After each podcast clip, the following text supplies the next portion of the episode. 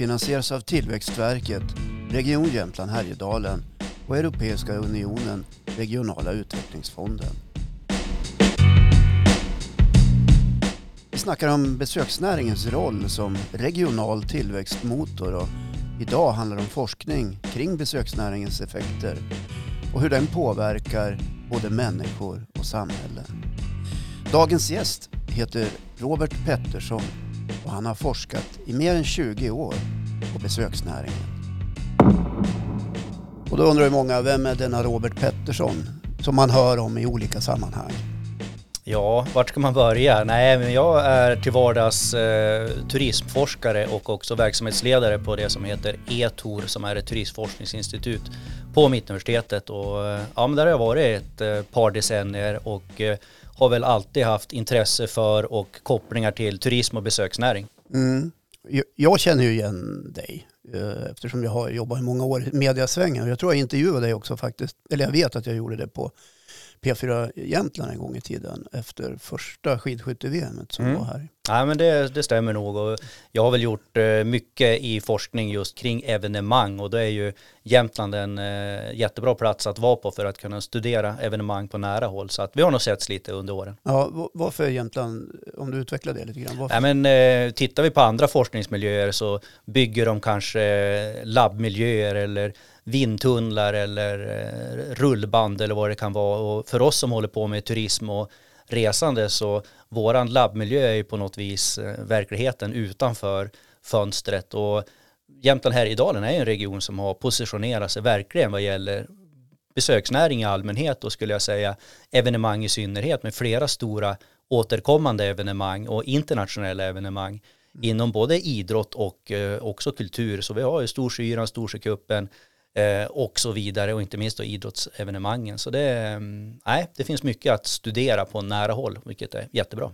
Men det gångna året så har du inte kunnat studera särskilt mycket för alla evenemang har ju varit inställda. Det gångna året har varit eh, exceptionellt och, och förstås, det, det, vet alla, eh, att vi pratar om, om eh, pandemin och just evenemang var väl ett, en av de eh, sektorer inom besökningar som drabbades allra hårdast och allra kanske mest direkt också eftersom man per definition eh, räknas som en allmän sammankomst och det faktiskt var förenat med, med, risk för fängelse att arrangera evenemang. Så det tog ju ett abrupt slut. Eh, de allra flesta evenemangen ställdes in väldigt nära efter pandemins utbrott. Å andra sidan ur ett forskningsperspektiv så har det här varit väldigt intressant och vi har ju kunnat mäta. det var det jag stod och funderade ja, Det kommer snart det här. Ja. Hur intressant det är som forskare att, att ändå studera det här. Nej men så är det. Vi, vi, vi har ju faktiskt haft ett par större eh, projekt och studier som handlar om effekter av uteblivna evenemang.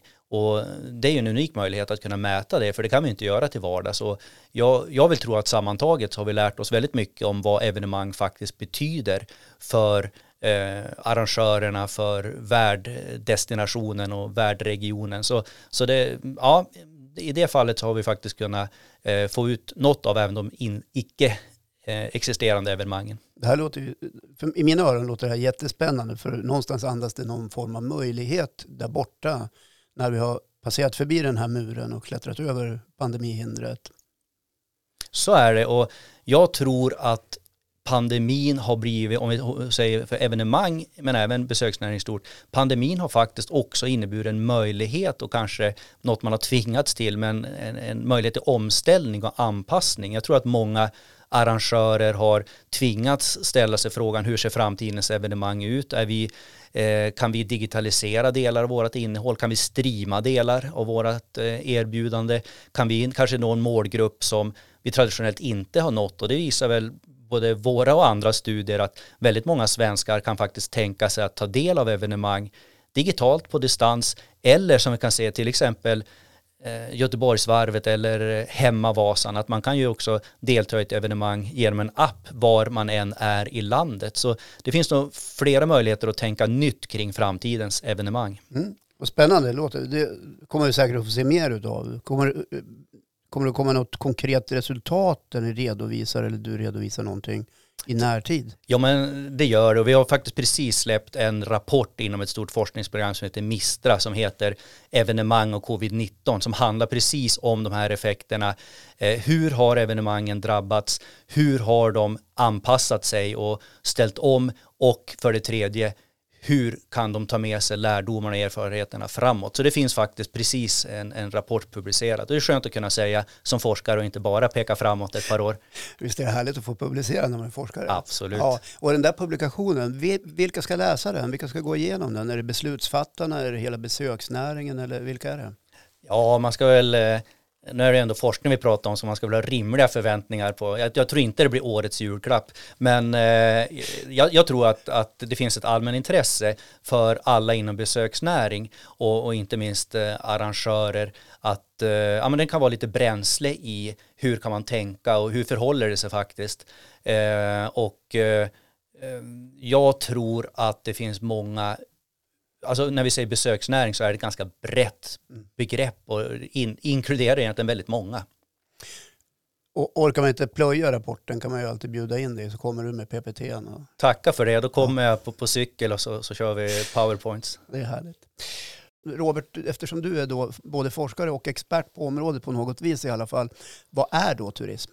Ja, men då, då väljer jag att svara just som turistforskare och vi som håller på att eh, mäta turism och, och resande, vi Eh, behöver såklart definiera vad det här är. Och i Sverige har vi valt att eh, ansluta till den internationella definitionen som UNWTO, alltså FN har ju ett, ett reseorgan, United eh, Nations World Travel Organization. Och de har ställt upp en definition som fritt översatt till svenska är ungefär att turism omfattar människors aktiviteter när de reser till och vistas utanför sin vardagliga omgivning under för kortare tid än ett år i syfte fritid, affärer eller annat. Och det är en ganska bra definition som har funkat. Det finns alltid gråzoner och vem, vad räknas och vad räknas inte. Men just det här att lämna sin vardagliga omgivning, det är liksom bärande i den här definitionen. Och för oss handlar det ganska mycket om att man kan göra egentligen vad man vill, vart man vill. Men det handlar om att, att göra, ja, lämna vardagen. Och eh, ja, det, det är väl en, en resanledning så god som någon tänker jag. Du är ju inflyttad hit till Jämtland, Härjedalen. Jag anar någon slags Västerbottens eh, dialekt i dig. Mm. Ja, men det stämmer det. det jag är från eh, Skellefteå, vilket jag brukar Eh, med viss stolthet framhålla, inte bara i slutspelstider i ishockey, men, men jag är från, från norra Västerbotten och bodde i Umeå i många år och, och äh, träffade min nuvarande fru ganska tidigt, och för, som också kommer från Norrlandskusten. Och, och eh, kommer man därifrån den, den livaktiga Norrlandskusten är det inte självklart att flytta inåt landet. Och i, i, i Västerbotten så är det ganska påtaglig skillnad mellan kust och inland. Så när man startade ett turistforskningscenter eh, som hette ITOR i slutet på 90-talet och jag fick frågan om att komma och, och bli doktorand. Så det var, det var inget självklart val att, att sätta sig med, med skurmoppen och blomkrukan och ta det sista och åka den här vägen förbi eh, Åsele och Fredrika, Dorotea. Det är liksom som att någon vred om hjärtat på en. Ja. Men eh, sen kom vi upp i, över körfältet, såg Oviksfjällen, fullt med folk på stan. Det här var precis sista helgen. Vi hade tillträde till lägenheten första augusti. Eh, så det var sista helgen. Det var storsyran i stan. Right. Och Kunde folk inte överallt. På bättre Nej men jag menar det. Brian Adams på ja, Stora precis. torget. Och då ja. tänkte man det, ja men det här är ju något annat än Sorsele. Ja. Så att vi har nog trivts väldigt bra eh, under våra 20 år här och vi gillar också livsstilen med, med friluftsliv och, och skidåkning och så vidare. Så att det var ju egentligen så vi hamnade här, men jag är inflyttad, helt riktigt. Mm. Lyssnade du på förra podden som vi levererade med Erik Niva då han pratade om? Ja men precis, jag lyssnade på den när den, när den kom, mm. jajamän. Mm. Om orten Malmberget som han beskrev som att i tysthet så har hela orten avvecklats. Ett riksintresse som bara egentligen har försvunnit ut i mm. periferin mm. någonstans. Ja, men, ja, precis. Det var intress väldigt intressant och, och, när jag lyssnar, precis som många andra då, som lyssnar, så, så jag drog paralleller till, till min hemstad och, och vi har ju en, en lite grann den omvända utvecklingen just nu i Skellefteå. Det är väldigt mycket drag under galoscherna och batterifabrik och, mm. och tusentals anställda. Så det, det, var intressant att lyssna på, på Erik Nivas eh, beskrivning och ganska dystra beskrivning av, av utvecklingen av Malmberget. Ja, den var dystopisk tyckte jag han hade ändå ett bra svar. Vi jämförde med turism och besöksnäringen kring Tjernobyl och, och det området. Men tänkte du kring eh, det han berättade då, hans tankar och funderingar kring besöksnäringen då, när han beskrev det. Mm. Nej men, men så är det ju och, och eh, jag, jag, tycker det är jätte, jätteintressant att lyssna på andra som eh, kanske inte nödvändigtvis sitter i vardagen i turism och besöksnäring utan det kommer in personer med lite andra perspektiv. För det, Eh, sådana som jag och, och de som lever i besöksnäringen får, är ju oftast de som kommenterar. Så, så det var intressant och, och eh, jag fastnade kanske lite för hur han beskrev resandet då, eller turism som ganska mycket ett verktyg för att upptäcka världen och, och lära känna andra människor. Och jag gillar det perspektivet och, och det jag kanske skulle lägga till eh, i, i, mitt mer teoretiska eh, sinnelag det är att, att eh, han beskriver utbudssidan, alltså turisten och varför vi reser väldigt bra.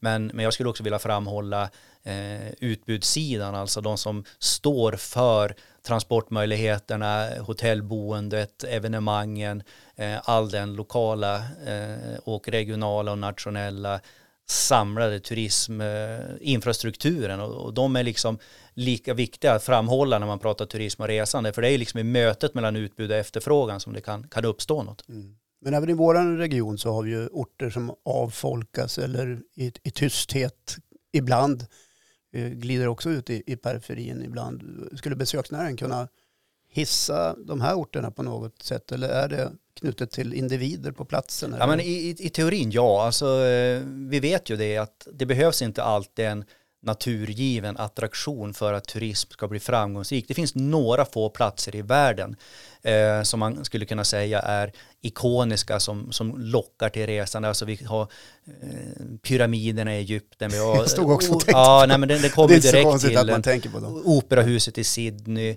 eh, Eiffeltornet som är väldigt ikoniskt och på något vis Niagarafall. Alltså det finns några ställen. Men annars har de, mesta, de allra flesta platser som har lyckats med turism och, och besöksnäring har på något vis skapat förutsättningarna själva, tillvaratagit naturgivna förutsättningar som, som berg eller miljö eller, och på något vis byggt något runt kring det. Så att i teorin kan alla orter och platser utvecklas, men med det sagt tror jag det är viktigt att komma ihåg att alla orter och platser kommer inte att lyckas med turism och besöksnäring. Det går liksom inte. Vi, Varför inte? Nej, men det, dels är det en resursfråga, sen är det faktiskt en, en, en attraktivitetsfråga. Jag, jag, jag roar mig med att, att titta lite på arenautbyggnad i, i Sverige för några år sedan och, och de ganska, alla städer med aktning skulle ha en stor arena och så gjorde man, konstaterade man att men det här kan vi finansiera bygget men det svåra blir driften och det, det har väl eh, kölvattnet lärt oss att det är tufft med drift. Och då när man tittar i de budgetar som hade gjorts så hade alla räknat in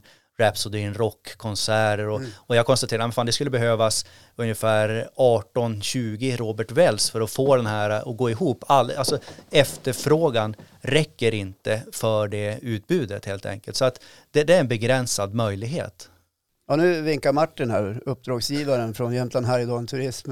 Du reagerar här någonting på det Robert snackar om? Ja, nej, men vi har ju tittat lite grann på arenor i mitt förra jobb på Östersunds fotbollsklubb. Och i samarbete, jag tror det var med Deloitte, så tror jag att det finns egentligen en arena i hela världen som är känd då, som driften faktiskt går runt. Och det är Madison Square Garden som i snitt har två och en halv evenemang per dygn mm. för att klara driften. Så det, det legitimerar väl lite i det som Robert sa, att Eh, arenorna var jättetapeten att byggas men driften är ett stort problem. Så att eh, det där är ju ett eh, problem med driften. Men det är klart en status att ha en stor arena samtidigt. Men jag kan tänka så här ibland, eh, och nu är jag bara lekman Robert så att du förstår det, jag är inte på något vis någon forskare, men eh, här i Östersund där vi bor, vi har ett antal arenor här, oftast står de ganska tom. Och då kan jag fundera så här, vart är den drivna entreprenören som orkar sparka igång ett event eller en konsert eller någonting annat? Mm. Nej, men, och, och då får jag säkert skit för det därför att det finns säkert. Nej, men du, du, du må vara ursäktad. Nej, men det, det är väl en intressant eh, frågeställning. Jag vet liksom inte om det finns något svart eller vitt där, men vi börjar prata lite grann om vilka orter kan lyckas med med turism. Och jag sa och i teorin alla men, men i praktiken kommer inte alla att kunna bli framgångsrika. Och jag tror det är liksom lite samma sak med, med arenor att det är inte säkert bara för att det finns en arena att den ska kunna gå runt. Det, det, är liksom inte givet på något sätt utan snarare vet vi det finns ganska stora utmaningar. Och eh, vi, vi bor i ett, en, del av landet där vi, där vi befinner oss just nu och vi, vi jobbar på olika sätt med att utveckla turism och besöksnäring och det här projektet som, som gör den här podden handlar om, om regional utveckling i Jämtland Härjedalen. Och då vet vi att 90% av alla svenskar bor söder om Dalälven. Alltså vi, vi, det, det, är en ganska gles miljö på något vis. Så det gör att både orter och arenor har en, några riktigt stora trösklar att övervinna. Och det handlar ganska mycket om tillgänglighet. Och det finns supermånga anledningar till att inte resa till Jämtland och turista och, och gå på evenemang. Och det handlar framför allt om, om tid, det handlar om pengar, men det handlar också om, om andra saker. Eh, som att eh, det inte finns så många naturliga nätverk, kontakter, relationer. Över hälften av allt resande som svenskar gör på fritiden görs i syfte att träffa släkt och vänner. Och det är klart, den logiken kommer alltid att förstärka större befolkningssamlingar. Storstäder har relativt sett ökat mer. Nästan hälften av alla kommersiella gästnätter som görs i Sverige görs i de tre storstäderna, Stockholm, Göteborg, Malmö. Mm. Och andelen storstadsturism har ökat successivt. Så det är klart det finns utmaningar för de som vill leva på turism i, utanför storstadsområdena. Ja. Ibland så kan ju universitet och andra lärande institutioner eh, få kritik för att inte vara nära, alltså nära verksamheten, att det kanske blir som du säger ibland lite för teoretiskt och så vidare.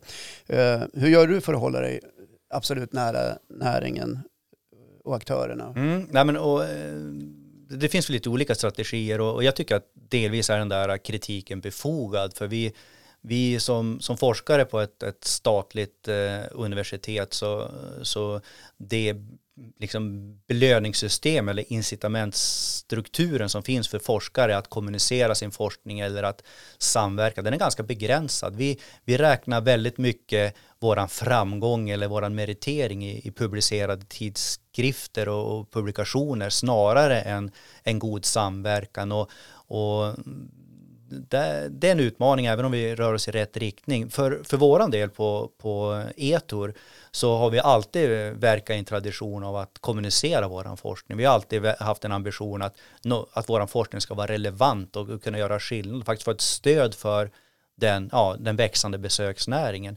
För min egen del så tar det här sig uttryck i att jag gärna finns i gränssnittet akademi och omgivande samhälle.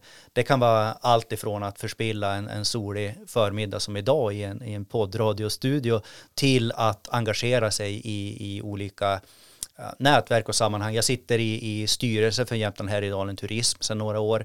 Jag är sedan nästan ett decennium, eller ett drygt decennium kanske nu mer, ordförande i Destination Vemdalen, alltså en extern ledamot som kommer in med min, mina perspektiv som då är mer teoretiskt orienterade och i mötet med, med de praktiska erfarenheterna som, som andra då besitter som jobbar mer operativt i näringen så vill jag tro att ett plus ett blir mer än två och jag försöker finnas där kunskapen finns och den finns inte bara inom akademin.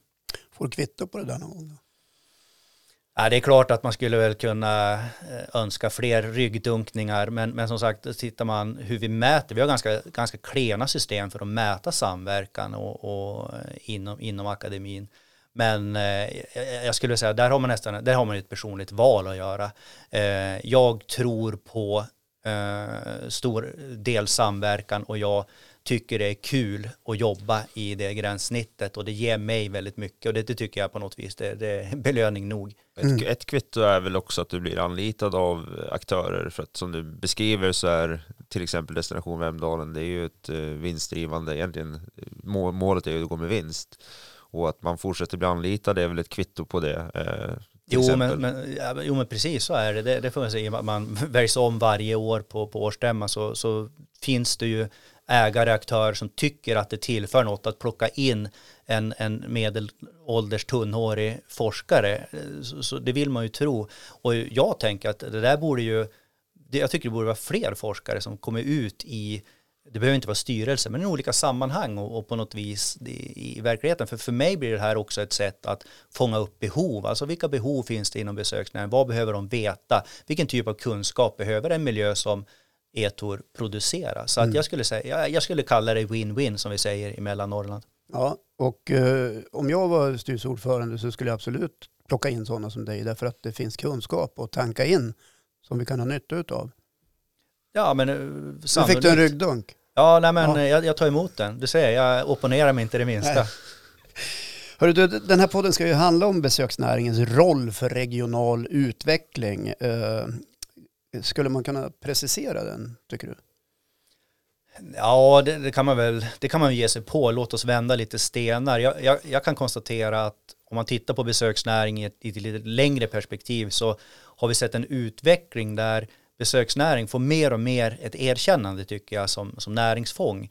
Eh, när jag kom in i början på, på 2000-talet så var det ganska mycket eh, sådär en, en ganska osynlig näring och den togs kanske inte riktigt på allvar av finansiärer och, och inte heller inom forskningen har vi, vi har liksom kämpat lite grann för att vi ska etablera turismen som ett, ett forskningsfält.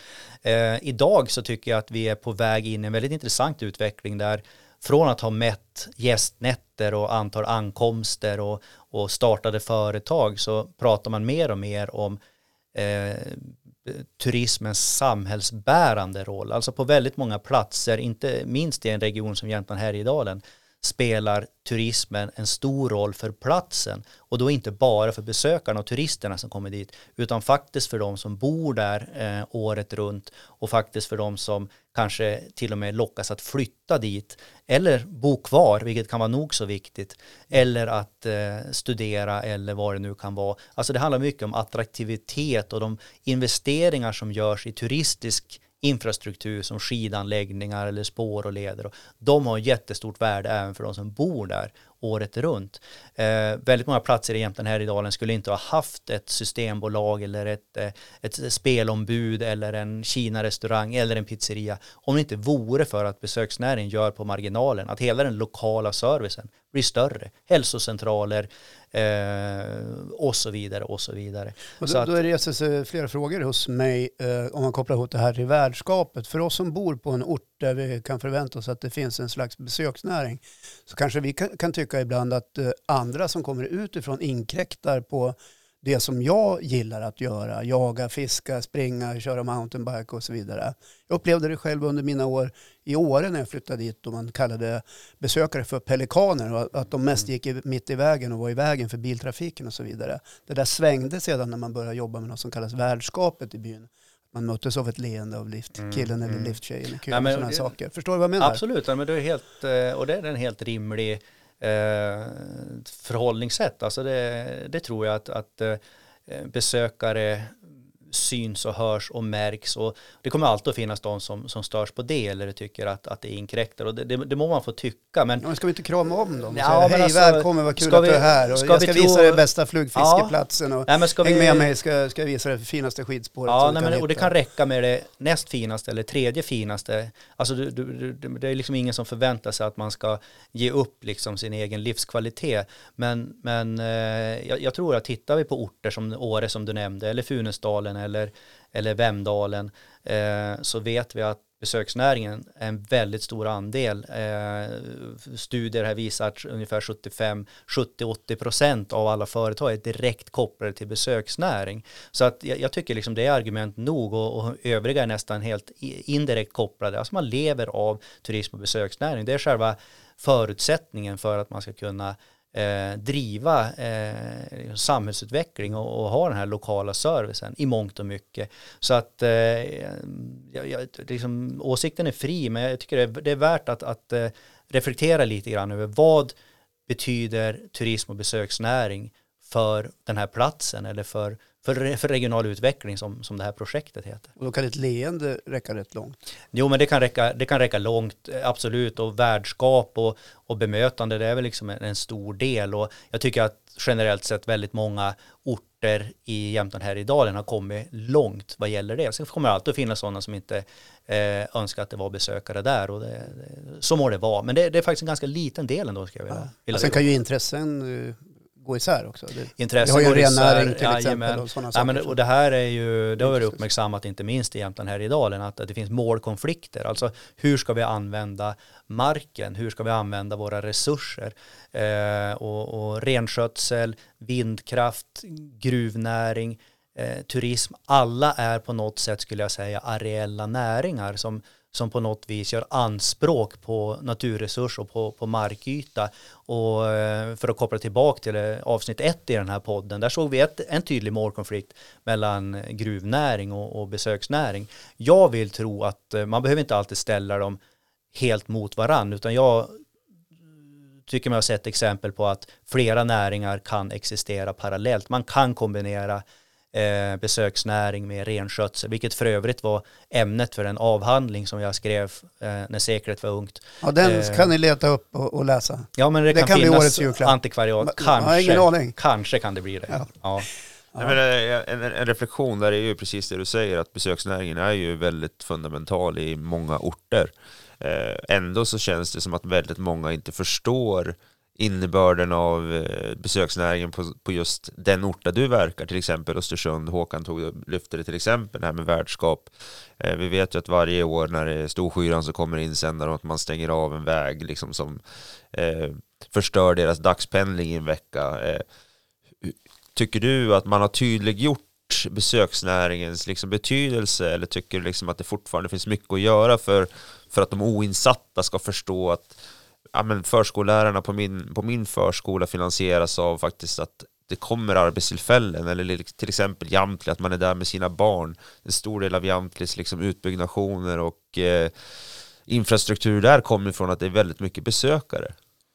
Ja, ja, men så är det och, och jag tycker det är, värt att, att uh, ha i åtanke att när vi pratar om effekter av eh, turism eller besöksnärings roll så sträcker det sig långt bortom de direkt ekonomiska. Det handlar inte bara om att kunna eh, bo, alltså ha intäkter från besöksnäringen utan det handlar om väldigt många andra värden och jag tycker du snuddar vid några av dem Martin när du pratar om, om besök på Jamtli exempelvis alltså eh, upplevelsen, attraktiviteten och, och där skulle jag säga att, att där har besöksnäringen en del kvar att göra eh, för att eh, ja, men, eh, kanske få den en, eh, uppmärksamhet eh, som man förtjänar. För man driver väldigt mycket mer än man skapar väldigt mycket värden även bortom turismen. Och det kan vara så enkelt som att även den eh, mest inbitne eh, motståndare eller ifrågasättare av turism. Och, och visst det finns överturism och det har vi på vissa platser och under vissa tider även i Jämtland Härjedalen.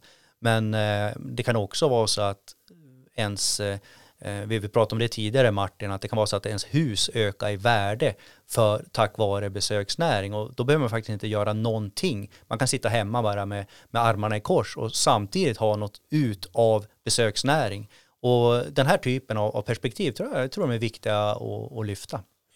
Så tänk, om, om man undantar de här stora eh, besöksorterna i, i vårt område som är så självklara så finns det ju står och tänker på de mindre orterna. Om man pratar regional utveckling, kopplar på då att besöksnäringen skulle kunna vara någonting som sker i Kälarne eller någonting någon annanstans. Eh, jag är lite ute efter, vad är nyckeln för att eh, lyckas? För varje ort har ju unika värden som kan hitta sin målgrupp, tänker jag. Mm. Nej, men och, och det, det, är delvis svårt. Alltså vore det så enkelt skulle alla på något vis lyckas och det kommer inte alla att göra. Men och jag tycker i, i, i Sverige har det under 2000-talet ofta refererats till ishotellet som ett exempel på ett, ett, en satsning där man egentligen med två tomma händer hade en idé som man byggde upp och som genererar internationella besöksströmmar, betydande besöksströmmar. Mm. Det har använts mycket som ett exempel, men, men jag skulle vilja framhålla att det finns väldigt många ishotellsidéer som bara smälter ner och dör och, och det finns annan forskning som visar att över hälften av alla evenemang som som planeras att vara årligt återkommande misslyckas så tillvida att de blir inte det. Så att alltså det finns utmaningar. Vad, vad beror det på? Jag, jag, kan förstå om det handlar om ekonomi och uthållighet och finansiering och sådana saker. Men, Nej, men till, alltså, slut vinner ju trägen någonstans. Ja, och varför, varför misslyckas evenemang? Ja, men en, en, en del i det här är lönsamhet. Alltså det går inte att komma runt och det, det brottas besöksnäringen med. Det visar återkommande studier att, att många har problem med att uh, få ihop ekonomin. Så definitivt lönsamhet. Sen kan det hända saker som eh, dåligt väder eller eh, pandemier för att ta ett, ett dagsaktuellt exempel. Alltså det finns störningar i den här eh, logiken. Det kan handla om eh, dålig organisation. Eh, det kan handla om att man har för, en dålig, för dålig affärsmodell, man har för få intäktsströmmar. Alltså allt som gör att man kan misslyckas med vilken idé som helst, det drabbar även evenemang och, och, och besöksnäring. Så, så någonstans eh, vill jag tro att kunskap om turism och affärsutveckling kan, kan eh, ja det, där finns det mycket kvar att göra. Sen ska vi komma ihåg en viktig sak som är en av mina gamla käpphästar. Det är att alla vill faktiskt inte växa och bli årets gasell i, i dagens industri. Utan för väldigt många som är inne i den här branschen handlar det om en livsstil man har valt. Alltså man har sin fiskekamp, inte för att man vill anställa 15 personer första året och, och, öka omsättningen, utan för att man är väldigt intresserad av fiske. Och det tycker jag det, det är liksom en, en, anledning så god som någon att hålla på med, med turism och besöksnäring. Och kanske finns det en, en delvis felaktig förväntan. När jag läser regionala utvecklingsstrategier, när jag läser eh, tillväxtplaner så pekar man på besöksnäringen som något som ska driva sysselsättning och tillväxt i hela landet. Och det tror jag är kanske lite grann att, att, eh, att lura sig själv, för det, det kommer vi nog sannolikt inte att hamna. Men eh, med det sagt, även Kälarne kan lyckas i, i teorin med turism, men det finns stora utmaningar och ju mer man lägger på eh, liksom kunskapsgrundade eh, beslut och planering desto större sannolikhet är det att man lyckas. Mm. Och det är väl också en, det du beskriver är väl också liksom en, en eh, svaghet att det ofta kan vara livsstilsföretag. Eh, att det är beroende av en person eller två personer, evenemang, återkommande evenemang kan vara beroende av en person eller två personer. Det är inte en stor organisation som kanske i andra näringar där det liksom har en stor styrelse, det har en ledningsgrupp, det har anställda. Eh, för mycket kan hända i livet, du kan få barn, du kan bli sjuk och då helt plötsligt ställer du in och så tappar du ett år, tappar du två år så kan evenemangen vara borta. Mm. Nej men det, det, är en, det är en utmaning och, och, och sen liksom om, om vi ser på besöksnäring som något som vi tänker ska generera tillväxt och sysselsättning. Jo men det är en utmaning då.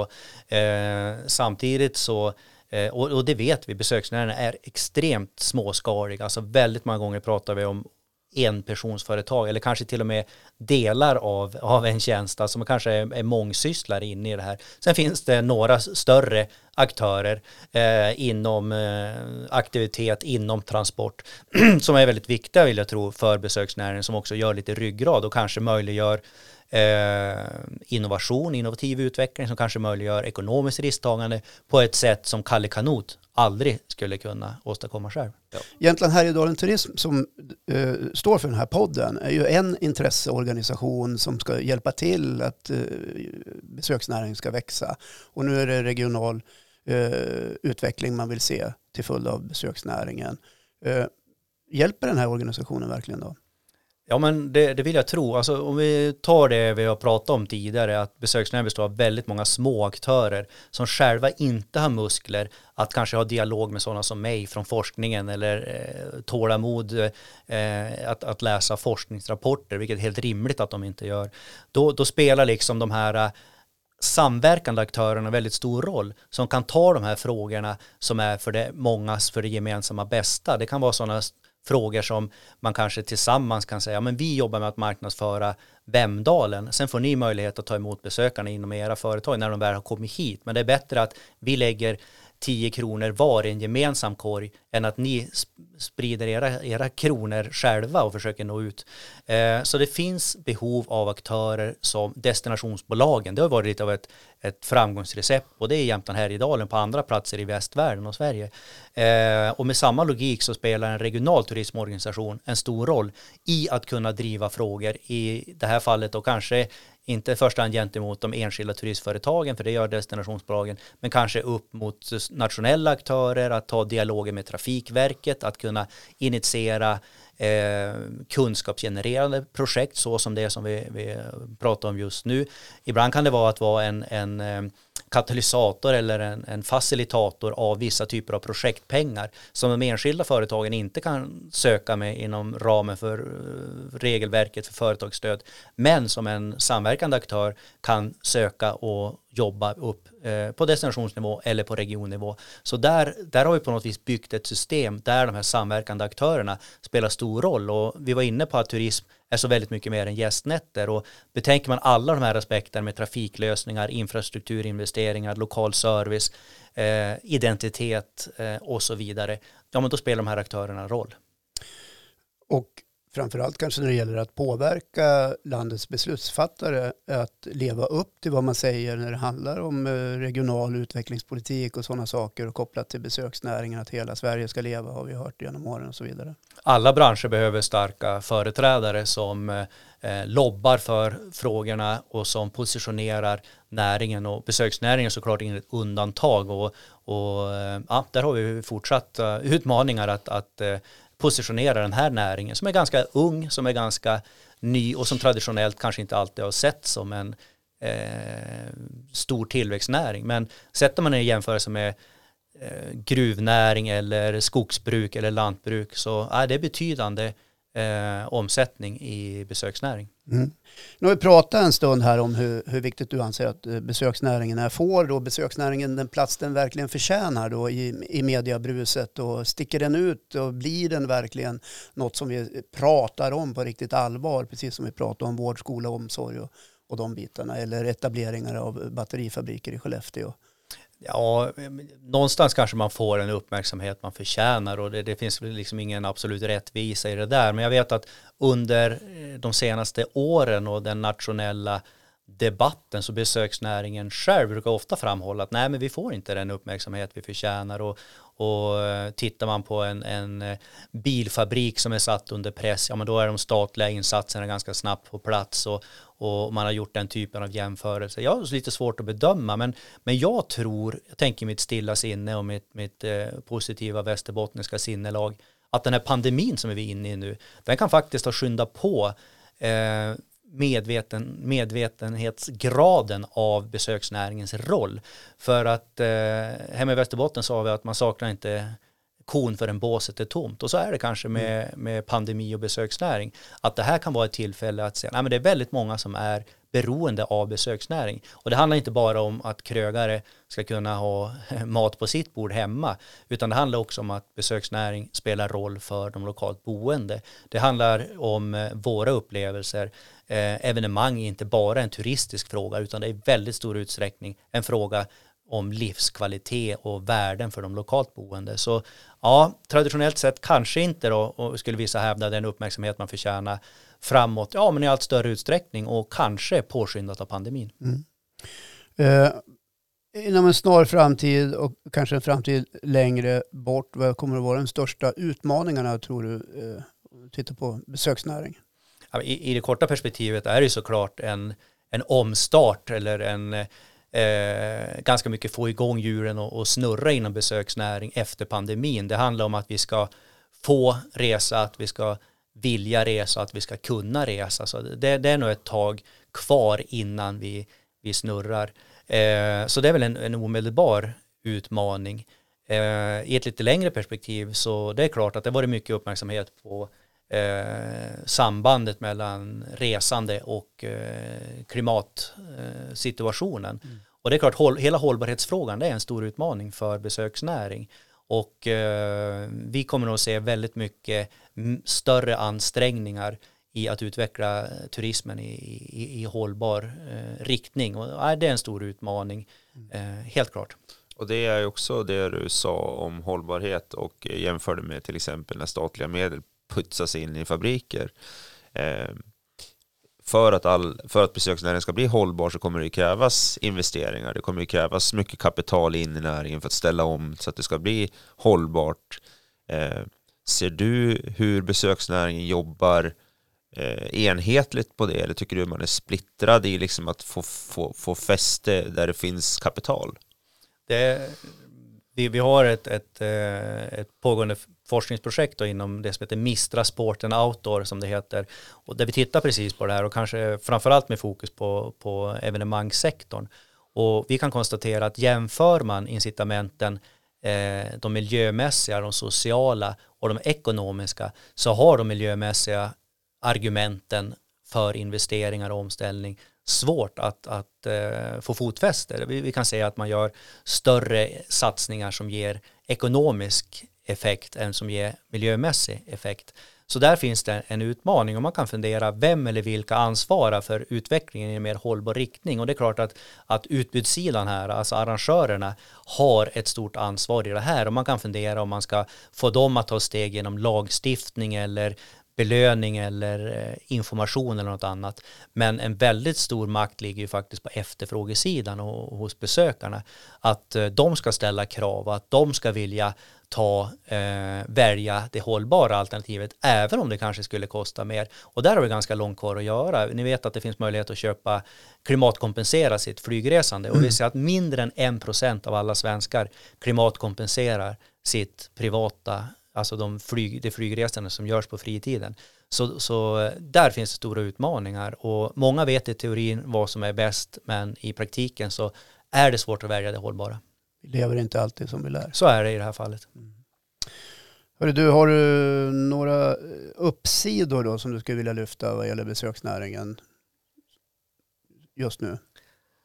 Ja, men såklart. Jag menar, det, tittar vi på hur besöksnäringen har utvecklats i, under eh, efterkrigstiden kan man säga. Alltså, mm, turismen och massturismen som vi känner den tog ju rejäl fart på 50-talet och sen med teknikutveckling, avreglerad flygmarknad, mer fritid, ökat välstånd så har vi sett en exponentiell tillväxt av turism och resande. Så det ser på något vis bra ut för branschen. Ehm, vi står i ett väldigt spännande vägskäl nu och ser vad händer med besöksnäringen efter pandemin. Kommer vi att eh, resa annorlunda? Kommer vi att eh, kommer den här trenden av mer lokalt resande eller hemester eller svemester i svenskarnas fall kommer det att hålla i sig och, och eh, det, det, Ja, jag tror att besöksnäringen har alla förutsättningar att utvecklas, men att den kanske måste utvecklas mer hållbart. Vi har aldrig haft en så globaliserad värld som just nu. Våra privata och professionella nätverk sträcker sig väldigt mycket internationellt och det, det kommer att tala för ett fortsatt resande. Eh, samtidigt har vi aldrig haft en så eh, kraftfull samhällsstörning som covid-19 som har varit så globalt utbredd och så utdragen i tid. Så det, man får se. Eh, och till det kommer då miljöfrågan. Kommer vi att kunna resa kommer vi att kunna förmå oss eller ha råd att resa med, med beroende på vart det tar vägen. Mm. Men, nej, men jag ser många möjligheter och särskilt om vi tänker att turism och besöksnäring som vi återkommer till hela tiden. Det handlar inte bara om sysselsättning och tillväxt och tjäna en krona till utan det handlar väldigt mycket om vad man skulle kalla för mjuka värden. Det handlar om eh, stolthet, glädje, gemenskap, sociala sammanhang och där tror jag vi har hur mycket som helst kvar att skörda eh, i framtiden. Mm. Man har gjort ett livsstilsval kanske. Kanske det. Ja. Jag vet, eh, för jag lyssnar på en annan podd när det gäller just eh, besöksnäringen, att eh, stora delar av fjällvärlden uppe i Norrbotten under semesterveckorna, de är redan fulltecknade inför den här sommaren. Så att svemestern verkar fortsätta, men det hänger såklart ihop med hur pandemisituationen Jo, men det hänger ihop med pandemisituationen och vi kan konstatera att vi ser några tydliga tendenser under pandemin. Det ena är ju att eh, vi bokar mer utomhusaktiviteter, alltså helt enkelt på grund av smittläget. Eh, vi väljer att boka in oss på relativt sett mindre destinationer, vilket gör att storstäderna som har ökat relativt sett de senaste åren faktiskt är nu de som har drabbats hårdast och minskar mest. Och man, besöksströmmarna går inte in till storstäderna så tydligt som de går ut mot mindre destinationer, som de i, i Norrbotten du nämner, eller skulle jag säga hela svenska fjällkedjan, ja. Höga kusten och så vidare. Så att, nej, men det, det är supertydlig tendens. Eh, vad har du själv för smultronställe här där du bor nu för tiden, sedan 20 år tillbaka? Ja, nej, men vi, vi trivs ju bra i, i Jämtland och Härjedalen. Vi såg som sagt de, de snöklädda fjällen redan första dagen vi eh, flyttade hit eh, 99. Eh, jag skulle säga att eh, mina smultronställen i Jämtland Härjedalen är nog ganska mycket eh, fjällrelaterade, men kanske inte nödvändigtvis platser utan ganska mycket de ställen där jag kan få göra det icke vardagliga, alltså på något vis få tid med min familj och få tid med nära relationer, få tid att eh, eh leva det liv som jag vill som inkluderar hälsa och, och, god mat och umgänge. Sen, finns det, sen har vi ett fritidshus i Storhogna som betyder väldigt mycket för vår familj och har gjort det nu även om våra grabbar börjar komma upp i tonåren och tycka att, att mamma och pappa kanske inte nödvändigtvis är förstahandsvalet när det blir helg. Men äh, det, finns, äh, det finns platser och det finns äh, ställen men jag tror man kan trivas nästan vart man än är. Det finns många förutsättningar för det i den här regionen. Ja begreppet hemma kan också vara borta. Så kan det vara. Ja. På engelska heter fritidshus second home och jag tycker det är ett väldigt bra begrepp. Robert Pettersson, det var jättekul att få ha dig här i Jämtland Härjedalens turismpodcast.